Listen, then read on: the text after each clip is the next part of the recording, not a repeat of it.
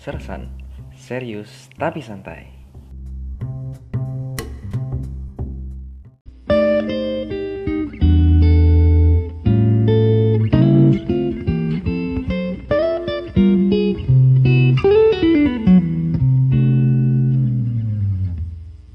Oke, selamat malam semua. Selamat datang kembali di podcast kesayangan kita Sersan. Serius Hmm. tapi santai. Yoi. Yoma. Oke, yoi. Oke, nah ini malam ini agak spesial. Kenapa? Karena sobat kami yang jauh-jauh ya, selama ini ngendam di Bali ya, sudah pulang ke Jakarta kembali. Kita sambut Roni. Yoi, what? Yoi, welcome back to Jakarta. Yo. Gue masuk gua masuk kandang singa ini mas ceritanya. Iya, yang, yang lain pada yang lain pada keluar dari Jakarta, lu masuk Jakarta ya?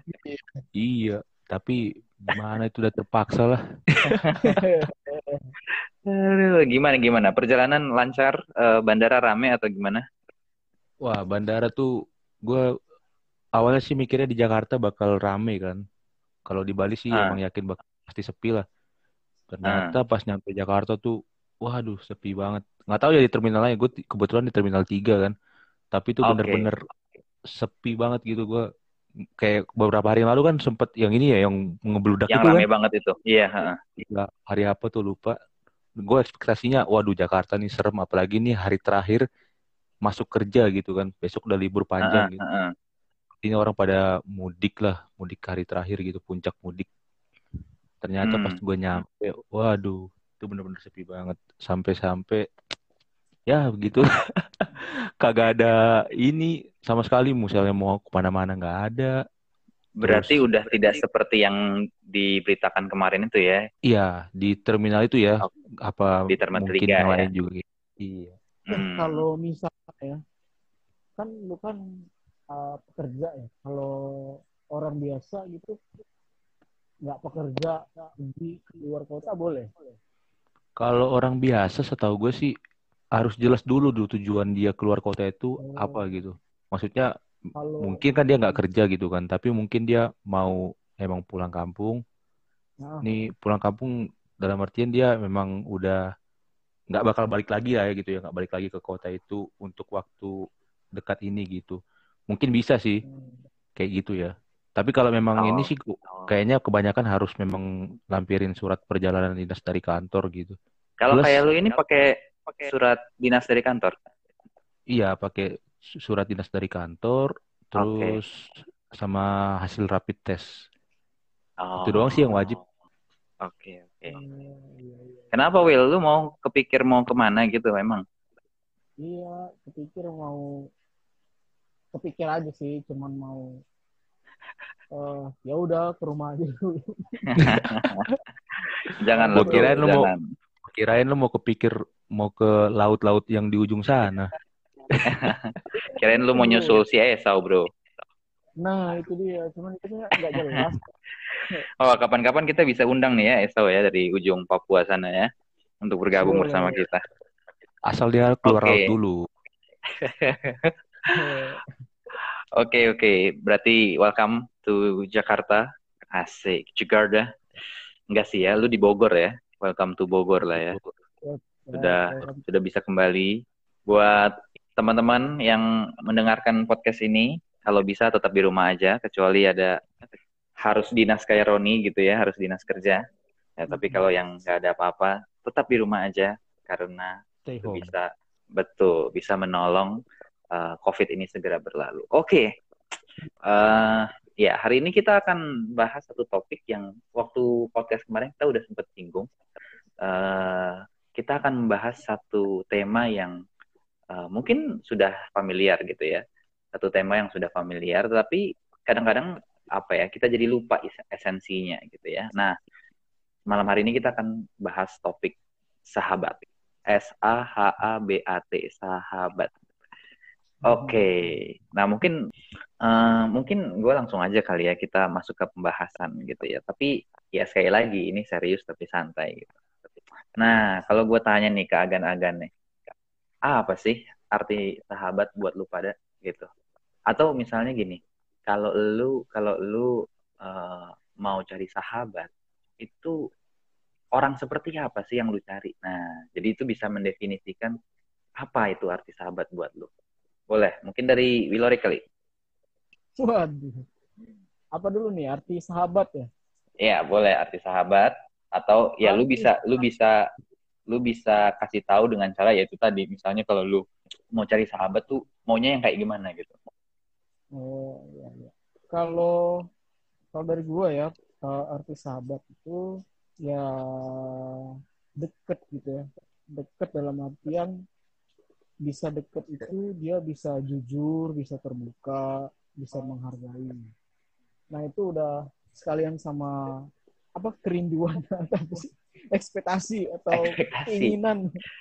Keinginan mencari sahabat. Ya menurutku sahabat tuh seperti itu. Jujur bisa terbuka. Terbuka. Dan ya bercerita lah ya maksudnya oke. okay. kita tuh nyaman cerita sama dia. Dan dia bisa meresponi kita gitu oke okay. buat lu sendiri ini ada bedanya nggak temen sama sahabat kan biasanya kita suka suka apa ya memisahkan antara teman atau sahabat padahal kalau di bahasa Inggrisnya kan sama-sama aja friend gitu ya nah buat lu sendiri hmm. ada beda nggak antara teman sama sahabat gitu uh, kayaknya memang ada ada ada batasnya ya misalnya ada bedanya Hmm. Kalau sahabat ada tingkatan lah ya gitu ya, ya. tingkatannya mungkin. Ya. Hmm. Kalau sahabat kan dekat ya, maksudnya ya sahabat jalan bareng. Kalau okay. ini juga. Kalau teman sebatas misalnya gua ke kampus, woi kenalin nih teman gua, maksudnya teman kampus. Oh. sekedar aja di kampus doang kan. Oke. Okay. Ya, hal dia nggak tahu di mana-mana dia nggak tahu. Oke. Okay.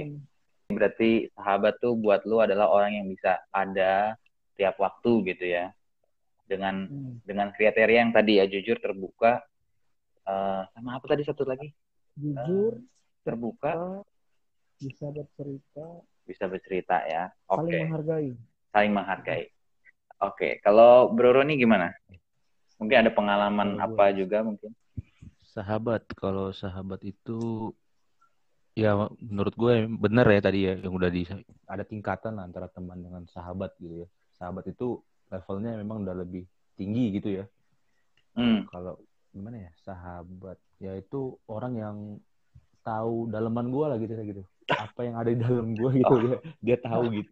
Dalam hati ya, dalam ya. hati ya Pak ya maksudnya ya Pak. Dalam hati dong. Bukan daleman yang lain ya Pak ya. Oh, beda itu. Aduh, Bapak nih, kata-katanya ambigu tadi. ya, setidak itu dia tahu lah hmm, hmm. apa yang gue rasakan, kalau kesah bisa jadi pendengar yang baik. Hmm. Tapi ya itu timbal balik lah. Gue juga seperti itu juga ke dia gitu kan. Hmm. Intinya apa yang kondisi terkini dia harus tahu, dia pasti tahu gitu. Nah itu sahabat lah. Gitu. Hmm, oke. Okay. Luar dalam tahu gitu ya. Iya. Oke. Menarik ya. Jadi kalau dari Bro Wilorik tadi yang uh, sisi pertama kita tahu sahabat itu orang yang ada setiap waktu, tapi juga yang kedua adalah dari Bro Roni bukan cuma ada tapi juga tahu luar dan dalam gitu ya. That's right. That's Mantap lengkap ya. right. ya. That's right. Oke. Okay. Nah, soalnya kan ada nih apa uh, hmm. uh, apa a friend in need is a friend indeed. Nah, itu kan apa ya? Itu idiom sih ya. Itu ungkapan di bahasa Inggris gitu. Orang yang ada di dalam uh, kesusahan kita itu adalah teman gitu. Nah, berarti kan kalau tadi kita udah diskusi, berarti kan bukan cuma dalam kesusahan, gitu nggak, Bro Will? Iya. Nah, di dalam di dalam saat-saat kita senang kan dia juga ada gitu ya. Dan dan sekali lagi itu itu apa bisa tahu luar dan dalam kita. Oke. Nah, pertanyaan selanjutnya begini. Uh, perlu nggak sih kita bersahabat? Perlu nggak sih kita bersahabat dan kalau perlu kenapa gitu? Silahkan. Siapa lu nih? Bebas, bebas. Kau duluan, Kau duluan ya? Iya, kau duluan. Oke, oke. Kita harus harus belajar rendah hati kan, nggak boleh nyerobot. Saling mendahulukan ya. Jadi siapa dulu? Orang orang tua iya. gituin. Waduh. Jangan seperti itu, Bapak. Waduh, ketahuan umurnya nih. Gimana Pak? Jadi mengapa perlu bersahabat ya? Mm-mm. Gue coba bawa dalam konteks sekarang ini di dunia alumni lah kali ya. Oke, boleh. Atau di boleh. dunia dunia kerja lah, dunia kerja. Dunia kerja yang udah kita beda lah dari mahasiswa yang memang pasti ada sahabat yang terus ketemu di setiap hari dan itu tuh itu tuh aja gitu kan. Ada teman yang juga ketemu gitu kan. Kalau ini kan lingkungannya lingkungan yang berbeda dan punya kepentingan masing-masing lah gitu. Hmm. Kenapa perlu bersahabat? Karena simpel sih kalau menurut gua kita itu sebagai manusia yang tidak bisa hidup sendiri lah gitu ya. Hmm. Apa istilahnya itu lupa gue. Eh, zone politikon, Eh, mono, Ya, ya kan? monomen.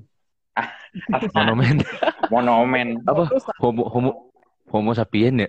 Apa sih itu? ah, Homo sapien itu jenis kita, Pak. Oh iya. Oh iya iya salah salah salah. Zone salah. politikon, zone politikon, makhluk sosial kan, zone politikon. Makhluk sosial iya Ah. betul. Oh iya iya. Ini, ini kan kita memang Monomen. homo sapien. Monomen. Monumen nasional. Mono. Stereo kali. Stereo. Sebagai zone ko- zone, zone politikon apa sih tadi itu? Ya, itu kita makhluk sosial lah intinya Makhluk ya. Sebagai makhluk sosial tuh pasti kita tidak dapat hidup sendiri. Hmm. Itu yang pertama. Berarti kita butuh teman. Tapi di samping itu, menurut gue sih ya, di samping kita butuh teman, karena kan teman mungkin kayak tadi kan, friend in need is friend indeed ya gitu Hmm, ya. hmm, hmm. Jadi kan kita nggak bisa lah sebebas itu cerita semua apa yang ada di dalam hati kita ke semua orang Hmm. pasti kita punya ya intinya kita punya inilah harus cerita ke siapa gitu kan karena kan Hmm. ada hal-hal tertentu juga yang nggak mungkin kita buka atau kita umbar ke orang lain yang Hmm. kita tidak percayai gitu kan Hmm, hmm. jadi kalau mengapa kita perlu bersahabat ya menurut gua kita perlu untuk mengeluarkan itu at least kita perlu untuk didengar lah gitu Oke. paling gampangnya sih gitu simple Kita perlu untuk didengar ya. Wow, itu menarik sekali tuh. Kenapa gitu, Pak? karena gimana ya Se- perlu sekali saya didengar.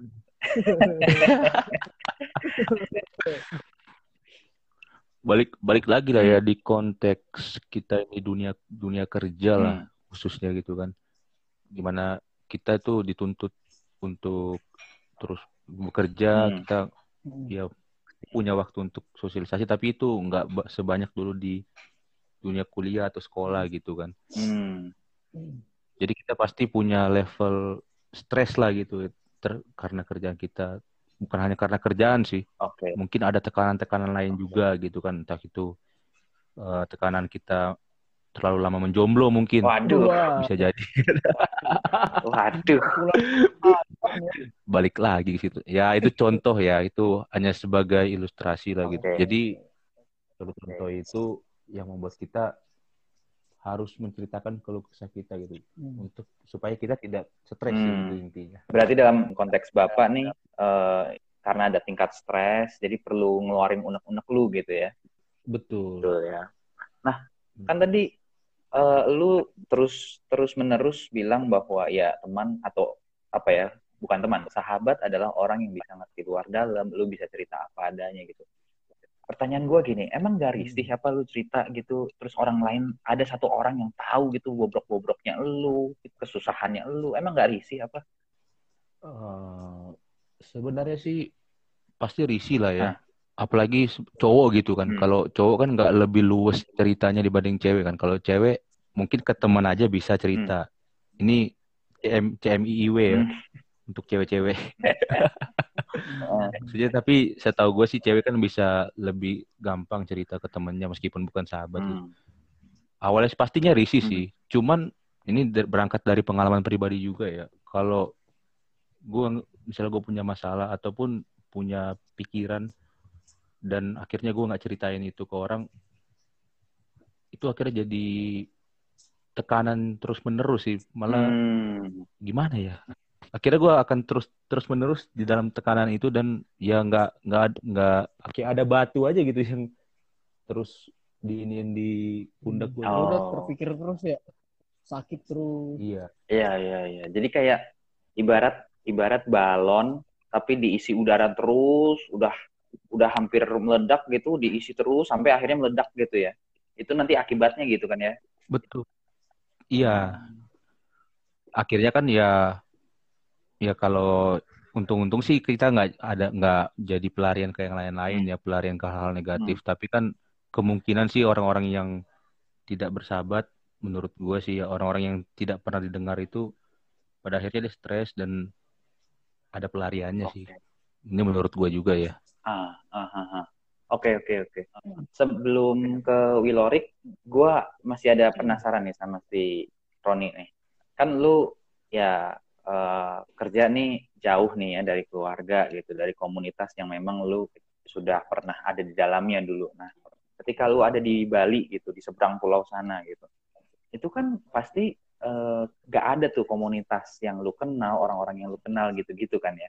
Itu gimana tuh lu Iya. apakah lu ya udahlah tinggal nunggu orang datengin mungkin dari orang yang eh, punya koneksi dengan keluarga lu atau gimana tuh lu ngadepin yang kayak gitu-gitu tuh Kalau gue ngadepin gitu ya, memang karena di lingkungan yang benar-benar baru lah Hmm. berarti ya.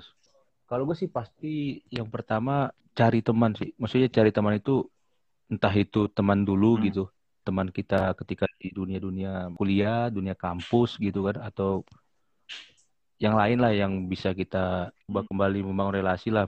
Apalagi di, di tengah teknologi yang udah lumayan bagus gitu. Mm-mm. Tapi di samping itu juga ya gue tetap mencari lah yang di daerah situ itu kan ya kebetulan gue di tempat ini ditempatkan di tempat ini untuk jangka waktu yang tidak tentu gitu Mhm. tapi kebetulan juga jangka waktu yang lama berarti kan gue bisa mencari teman-teman baru juga di lingkungan itu Hmm. tapi kasusnya mungkin kalau memang dia tidak nggak ada gue nggak tahu nih misalnya cuma sebentar gitu kan otomatis gue nggak sempet lah nyari-nyari Mhm. gitu nah mungkin gue kembali ke mencari sahabat lah intinya mencari Mhm. sahabat ke teman-teman yang dulu pernah gue bangun relasi lah ke mereka gue kejar lah mereka Mhm. gitu kan ya entah itu melalui pertemanan-pertemanan formal ya istilahnya entah kelompok-kelompok yang formal gitu KTB atau apa gitu kan maupun kelompok-kelompok informal sih gitu. Oke. Berarti elunya sendiri harus aktif mencari gitu ya supaya Iya. lu ya kita istilahnya itu jemput bola lah Hmm. gitu. Ya ya ya ya. Tidak akhirnya jadi pasti karena kalau kita ya jangan kita nunggu-nunggu kan apalagi kita kalau gue sendiri ya gue nunggu-nunggu ya siapa yang mau nemenin gue orang baru Iya. di situ kan nggak ada yang kenal gitu Nah, paling lingkungan kerja yang di situ gitu ya kalau nggak gue yang aktif ya gue bakal jatuh ke kesendirian itu Oke. gitu Oke, oke, thank you, thank you. Ya, Iya. itulah ya kesimpulannya emang harus terus aktif mencari teman, mencari sahabat gitu. Nah, kalau Bro Wilorik gimana nih? Kalau Bro Wilorik kan eh, masih dekat dengan dunia mahasiswa gitu. Kalau lu melihat sendiri tuh di mahasiswa gimana tuh? Mereka tuh apa ya? Mereka tuh sebenarnya udah hidup dalam komunitas yang baik, dalam arti udah punya sahabat yang tadi seperti kita udah bicarain, saling terbuka, tahu luar dalam dan lain sebagainya, atau ternyata ya mahasiswa sekarang nih apa ya eh, cuma permukaan aja gitu bertemannya. Nah menurut lu sendiri gimana bro? Kalau dilihat dari PMK ya, Hmm. kan aku kan pelayanan ya. Mm-mm. Menurutku komunitas di PMK masih baik ya. Hmm. Maksudnya yang aku lihat ya masih baik. Eh, mereka masih sama-sama mendengar, ada yang peduli gitu ya, tanya kondisi sahabat yang satu. Menurutku masih masih komunitas ini masih sehat karena kenapa sehatnya ya didasari dengan asik kerohanian maksudnya Oke. adanya Hmm. eh, keseriusan terhadap eh, firman sehingga mereka dikuatkan dewasa gitu ya Eh, ya sehingga mereka pun paham mereka tidak bisa sendiri Oke. mereka butuh eh, butuh sahabat di salah satu komunitas menurutku ya di PMK atau di mahasiswa masih ada ya apa komunitas-komunitas yang hidup gitu. Hmm. Nah, kira-kira tuh, bro, kan tadi lu udah cerita gitu ya, bagaimana mereka tahu dari firman. Emang kenapa sih penting gitu buat mereka tuh bisa berkomunitas gitu? Mungkin lu ada bisa sharing lah apa yang lu temukan di firman gitu. Kenapa sih emang harus penting tuh berkomunitas gitu? Uh, kalau aku sih ya ngelihat dari cerita kisah para rasul, pelayanan Paulus itu kan dia kan nggak sendiri ya, bukan solo solo solo melayani. Solo fighter. Solo fighter. Kirain solo ini. Ah. Sobat ambiar solo. ja, ja, ja. Solo Spirit, Spirit of, of Java, Java. gitu ya. Eh, kota kelahiran bapak saya itu ya. Kalau Paulus kan punya teman kan, Hmm. ada Barnabas, ada Timotius, Hmm. bahkan Tuhan Yesus pun juga menurutku kalau aku lihat, Hmm. Kalau aku baca ya, eh, dia juga butuh sahabat gitu. Kan ada 12 murid, ya. Mm-mm. Hmm. Matius betul. 6 tuh ayat 36 sampai 38 tuh eh, judulnya kan di Getsemani. Pas dia sama-sama murid sampai dan Yesus mau berdoa, dia manggil tuh kedua muridnya. Hmm. Di situ dia cerita. Nah, di situ tuh kita apa ya kalau aku lihat ya kok segitu juga ya maksudnya memang nggak bisa tinggal sendiri ya. Tuhan Yesus itu juga butuh Hmm. cerita Hmm. eh, hati itu kan dia itu kan udah mau mati ya maksudnya menghadapi itu dia curhat tuh sama muridnya kondisinya Hmm. ya ya segitunya ya maksudnya memang manusia diciptakan untuk nggak sendiri harus berdua atau pokoknya nggak bisa sendiri lah Nggak bisa sendiri. kejadian dua ya. Wah, itu tidak baik kalau manusia seorang diri saja ya. Itu bisa diinterpretasikan ke Aduh. ah, Kecinta-cintaan. tapi menarik, menarik sih itu. Hmm. Hmm. Hmm. Yoi.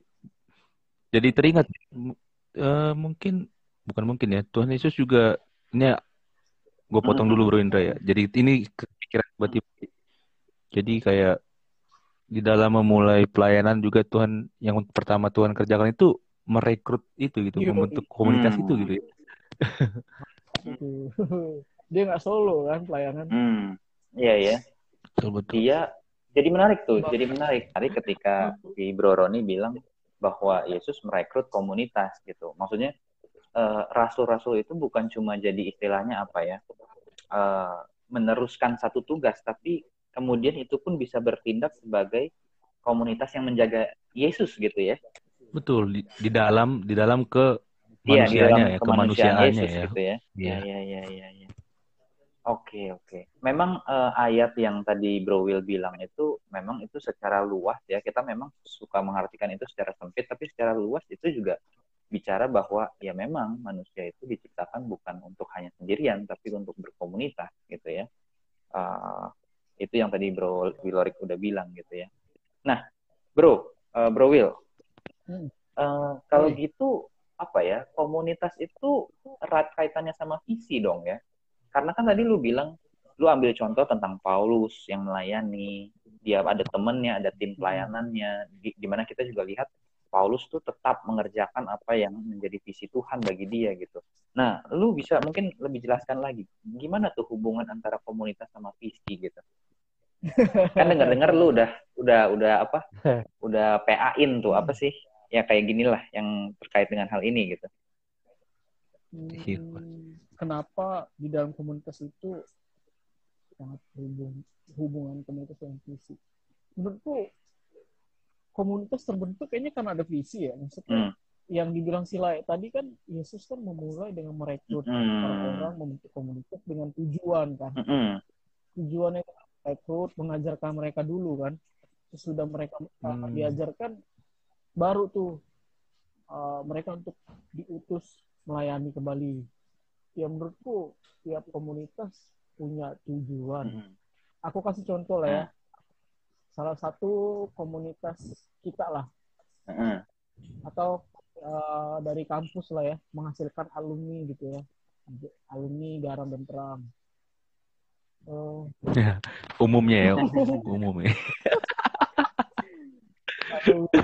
Ya, cuman kan itu kan visi kita ya. Terus bagaimana tuh alumni itu bisa menikmati visi itu. Hmm. Makanya komunitas, ini selalu hadir Hmm. di orang karena keseriusan visi itu. Ah, ada yang penempatan di luar kota, misalnya dia hadir di komunitas itu Hmm. karena ya visi itu. Hmm. Oke, oke.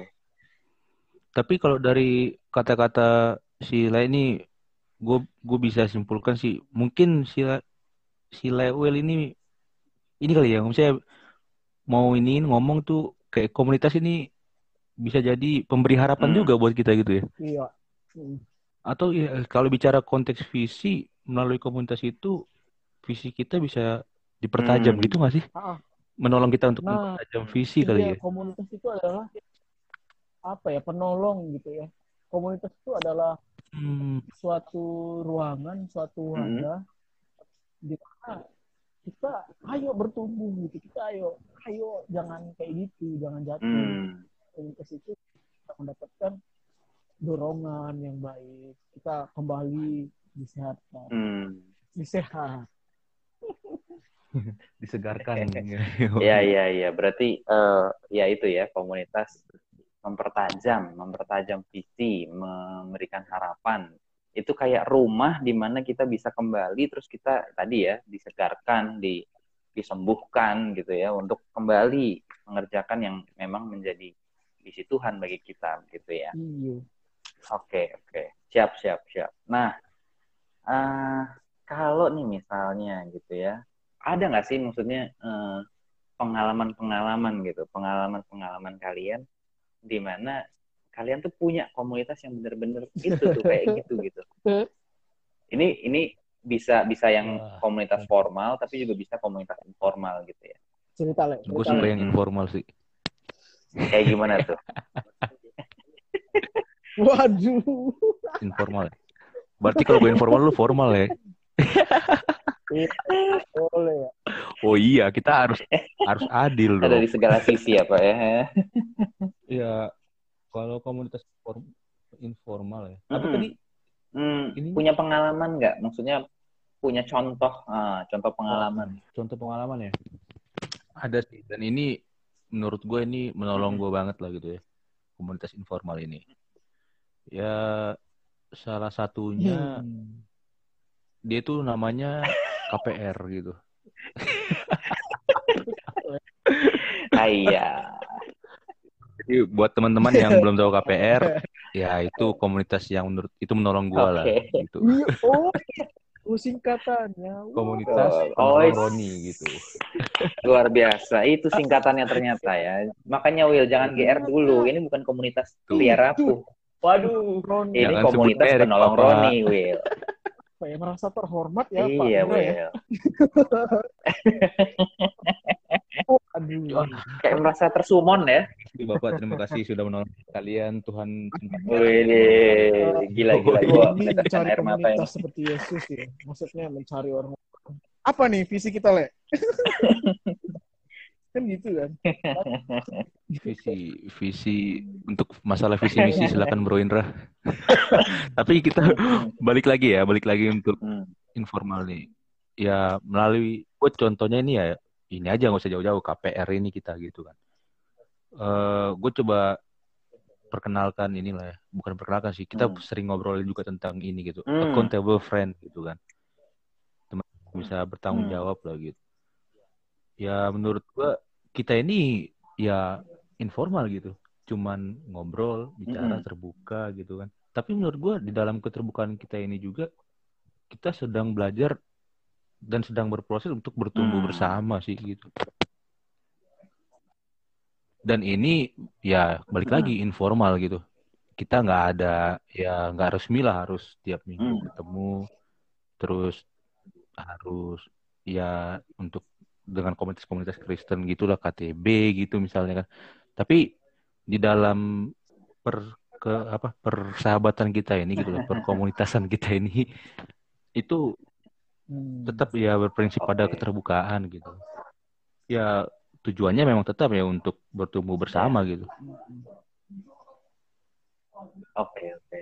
accountable friend ya itu satu istilah yang uh, mungkin jarang kita dengar sekarang gitu ya accountable friend sahabat yang accountable apa ya kalau accountable itu apa ya bahasa Indonesia ya? Accountable. Account able bisa akuntansi bisa akuntansi. Able being account. Yo. Accountable itu apa? Gak bisa dipercaya lah ya. Trusted gitu terpercaya gitu. Iya iya betul sih. Memang uh, uh, ya prinsipnya terbuka gitu ya. Terbuka saling uh, mengoreksi saling belajar dan akhirnya bisa bertumbuh bersama dan gue kepikir ya kalau ini kalau yang ini aja tuh informal gitu ya tapi bisa tujuannya tuh untuk bisa bertumbuh bersama apalagi yang formal gitu ya harusnya lebih bisa bisa terbuka bisa bertumbuh bersama gitu nggak sih menurut kalian wah ya kan? mantap itu mantap mantap mantap kalau yang informal aja betul, bisa betul, begini, betul. harusnya yang formal lebih lagi gitu.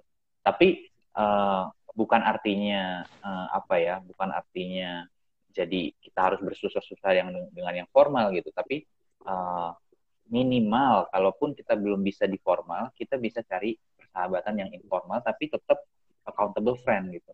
Tetap terbuka, tetap saling mengoreksi, tetap saling bertumbuh bersama gitu kan ya uh, ya sebenarnya banyak yang kita ngobrolin ya di KPR ya bukan cuma masalah uh, pribadi masalah pergumulan apa gitu ya masalah-masalah sehari-hari tapi juga mungkin isu-isu yang sedang hot ya kita bahas juga ya. Ya Indira Kalista gitu ya. Aduh Indira Kalista. Iya uh, Luhut Luhut ya Pak Luhut gitu. Oke oke. Nah, uh, kalau Bung Will ada ada pengalaman apa? Mungkin bisa tambahin gitu sebelum uh, terakhir nih, terakhir. Mm -mm. Mungkin punya pengalaman apa gitu? Pengalaman berkomunitas seperti apa gitu? Apa ya selain KPR lah kalau kalau KPR kan orang-orang udah pada tahu nih gitu. Tapi mungkin ada lagi nggak gitu? Uh, kalau nggak ada juga nggak apa-apa. Nggak ada ya. Hmm. Oke. Okay. Nah, Oke, ini pertanyaan buat kita semua kali yang, ya. Yang nonton juga dong. Kalau buat katanya semua bukan yang iya. Betul nah, betul maksudnya buat kita bertiga bro. Ya kan? Santuy aja bro santuy. Asia. Nah ini ini ini pertanyaan yang apa ya cukup rumit juga ya. Kalau buat orang ekstrovert nih bersahabat tuh kan gampang ya. Istilahnya lu cuma uh, ketemu aja sama satu orang terus lu ajak ngobrol oh, udahlah jadi sahabat gitu. Tapi buat kayak gue gitu orang introvert yang sukanya mojok di kamar nyendiri gitu nah itu gimana tuh? Uh, gimana ya buat buat apa maksudnya apakah orang-orang introvert tidak bisa bersahabat? Kayak gitu loh. Atau atau gimana tuh? Gimana tuh? Kalian ada ide nggak? Aku nggak jelas bro. Waduh, kau introvert atau ekstrovert? Kadang ria-ria sama orang. Oh, kadang oh. suka men menyendiri juga kalau ada yang lihat yang baru. Berarti sama kita ambivert nah, ya? ambivert ya. bah, berarti berarti kita tetap ada sisi introvert tapi kita serahkan jawabannya ke abang yang bener-bener introvert lah bisa gitu. aja lu waduh Waduh. Nah, jadi ini gue nih yang jawab nih. Kan pertanyaan dari gue, jawab gue. Kita bertiga, bro. oh iya, iya. Ayo. Bertiga, betul. Harus kualat tuh, Le. Ngerjain orang tua lu. Nyebut-nyebut usia, aduh. Gimana ya? Introvert ya, introvert maaf, ya. Maaf. Memang introvert itu orang yang spesial sih ya di muka bumi ini enggak enggak introvert itu extraordinary. extraordinary. Introvert itu memang ya uh, dia dia apa ya? Kalau gue pernah baca tuh uh, sebenarnya setiap orang tuh ada extrovert dan introvertnya, cuma lebih dominan mana gitu kan ya. Nah, kalau orang yang memang dominan lebih introvert, memang biasanya dia lebih suka menyendiri, memang dia lebih suka dia tuh apa ya seolah-olah dapat tenaga, dapat power tuh ketika dia bisa menikmati kesendiriannya gitu. Sebaliknya kalau dia ada di tempat yang ramai, justru dia akan capek gitu. Nah, menurut gua orang-orang kayak gitu tetap yang hmm. pertama tetap perlu berkomunitas, tetap perlu punya sahabat. Kenapa?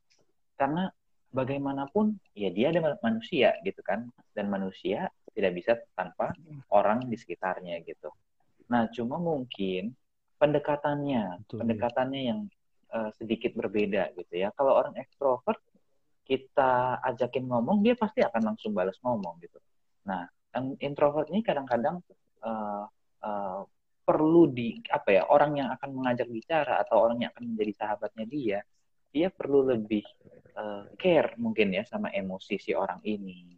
Dia harus dalemin dulu dia harus amatin dulu hmm. uh, orang ini tuh lagi ngapain sih sebenarnya apa sih yang lagi dipikirin. Nah barulah mungkin dia bisa masuk eh kenapa sih? Gitu ya. Eh cerita dong atau apa gitu.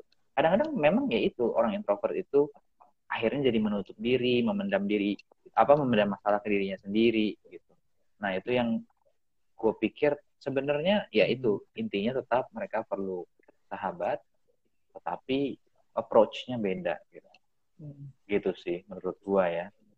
Berarti kita butuh mm -hmm. personal approach lah gitu ya. Mm -hmm. Untuk mm -hmm. berteman dengan mereka. Tapi kalau itu kan kalau kita kita uh-huh. yang mau berteman dengan apa, mereka bro. gitu. Nah kalau dari ini jadi gue nanya ya. jadi siap-siap. Pertanyaan kita ya. Jadi kalau misalnya ini dari sisi pengalaman pribadi aja lah dari Bang Indra gitu kan okay. sebagai orang introvert. Kan itu tadi kalau mm. orang yang mau berteman mm. kita. Tapi kalau Bang Indra sendiri gitu, okay. untuk berteman dengan orang lain gitu, atau membuka pertemanan lah sebelum ya tadi kan ada tingkatan pertemanan baru persahabatan gitu kan untuk mem mem memulainya okay. itu bagaimana nah, kira-kira bang? Kalau pertemanan itu ini ya baik lagi ya ke pembawaan masing-masing orang kan beda. Nah kalau gue secara khusus gue introvert tapi gue juga adalah orang yang uh, apa ya gue punya karakter bisa mengamati orang lain dan gue adalah karakter yang uh, apa ya hmm. uh, keped uh, bukan kepedulian.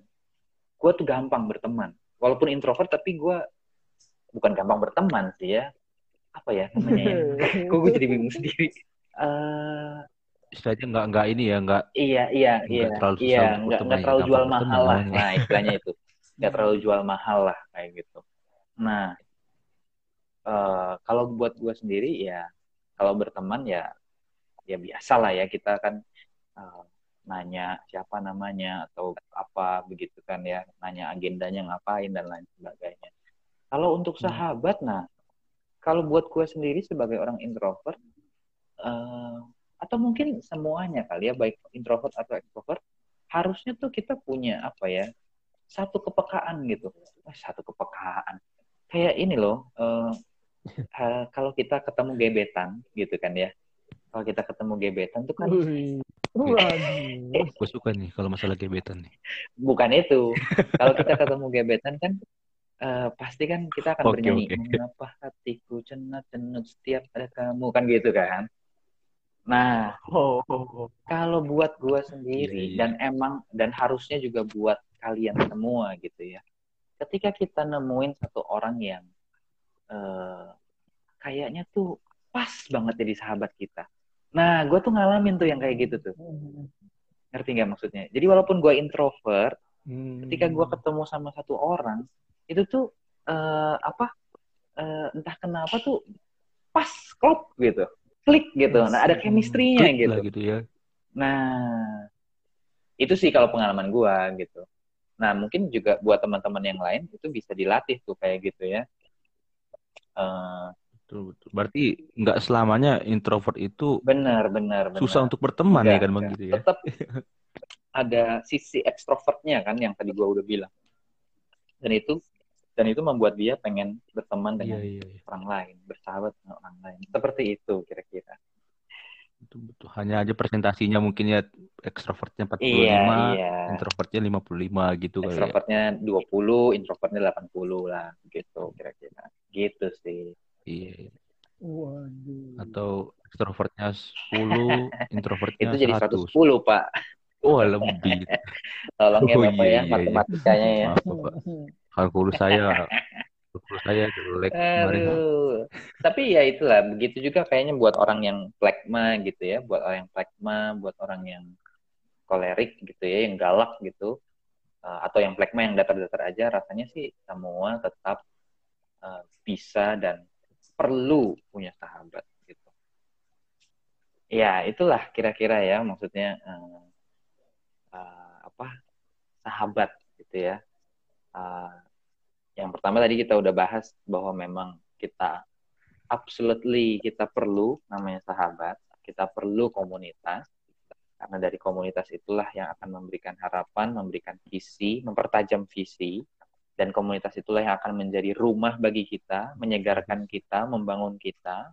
Makanya juga ada namanya accountable friend, teman yang bisa dipercaya, sahabat yang bisa dipercaya, bukan cuma tanya agenda, eh lu ngapain hari ini, eh lu ngapain besok, ya ya udah selamat.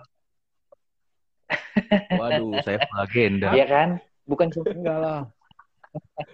Le, full agenda nggak lu, Le? Iya.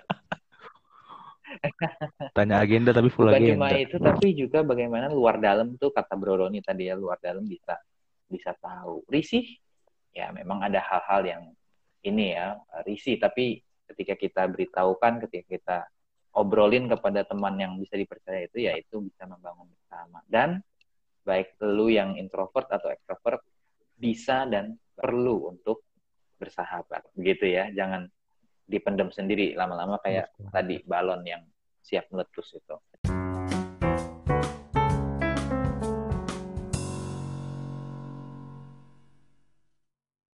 Oke.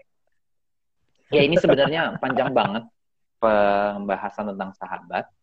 Eh, ya tentunya kita berharap teman-teman apa yang kami coba obrolin uh, serius tapi santai ini ini bisa menolong teman-teman untuk uh, mencari seorang sahabat. Jangan tunggu untuk dicari oleh sahabatnya tapi coba mencari sahabatnya komunitasnya sehingga teman-teman bisa makin terasah. Bukan untuk uh, diri sendiri tapi juga orang lain juga makin terasah bisa saling menolong saling bertumbuh bersama. Nah uh, ya gue akan menutup dengan satu ilustrasi lah ya Uh, Tahu. tahu landak nggak kalian? Hmm. Landak tahu ya. Landak itu kan Landak tahu. banyak durinya ya di Iya, tubuhnya ya. masih terancam dikeluarkan. Nah, Iya. yes betul. Nah, tapi menariknya gini, landak itu bukan orang, eh bukan orang, emang bukan orang ya. Eh, landak itu bukan hewan yang bisa hidup sendiri. Jadi ketika, jadi mereka sistemnya bergerombol, dan ketika ada musim dingin datang, apa yang mereka lakukan? Mereka akan menyatukan dirinya dengan teman-teman yang lain, dengan landak-landak yang lain gitu. Bayangin ya, eh, badannya tuh penuh duri, Hmm. tapi semuanya saling bersatu, saling dempetan begitu supaya apa? Supaya hangat gitu. Gue sih nggak kebayang ya, mungkin sakit Hangat juga banget. kali ya kena duri temannya. Wah, sanaan dong lu, ya, sanaan dong lu gitu ya. Tapi eh, ya itulah cara mereka untuk bertahan hidup. Nah, apa yang bisa kita pelajari dari landak? Ya mungkin di dalam komunitas, di dalam sahabat, di dalam persahabatan kita akan ya konflik juga gitu ya, berantem-berantem juga, ada ada nggak enaknya juga gitu. Tapi itulah cara kita satu-satunya untuk survive gitu. Ya. Jadi walaupun kita walaupun kita akan terluka, Hmm. kita akan konflik, tapi mau tidak mau dengan berkomunitaslah kita akan survive, kita akan tetap dipertajam visinya, kita akan punya harapan dan kita akan saling tolong menolong untuk bertumbuh bersama ke depan. Oke, thank you teman-teman semua sudah mendengarkan Mantap. episode kedua dari Sersan Podcast. Nantikan terus episode-episode selanjutnya dan kiranya bisa terus dibahas isu-isu yang penting, isu-isu yang serius, tapi terus dibahas dalam suasana yang santuy. Oke, sampai jumpa di episode selanjutnya di minggu depan. Bye bye. Thank you. Bye.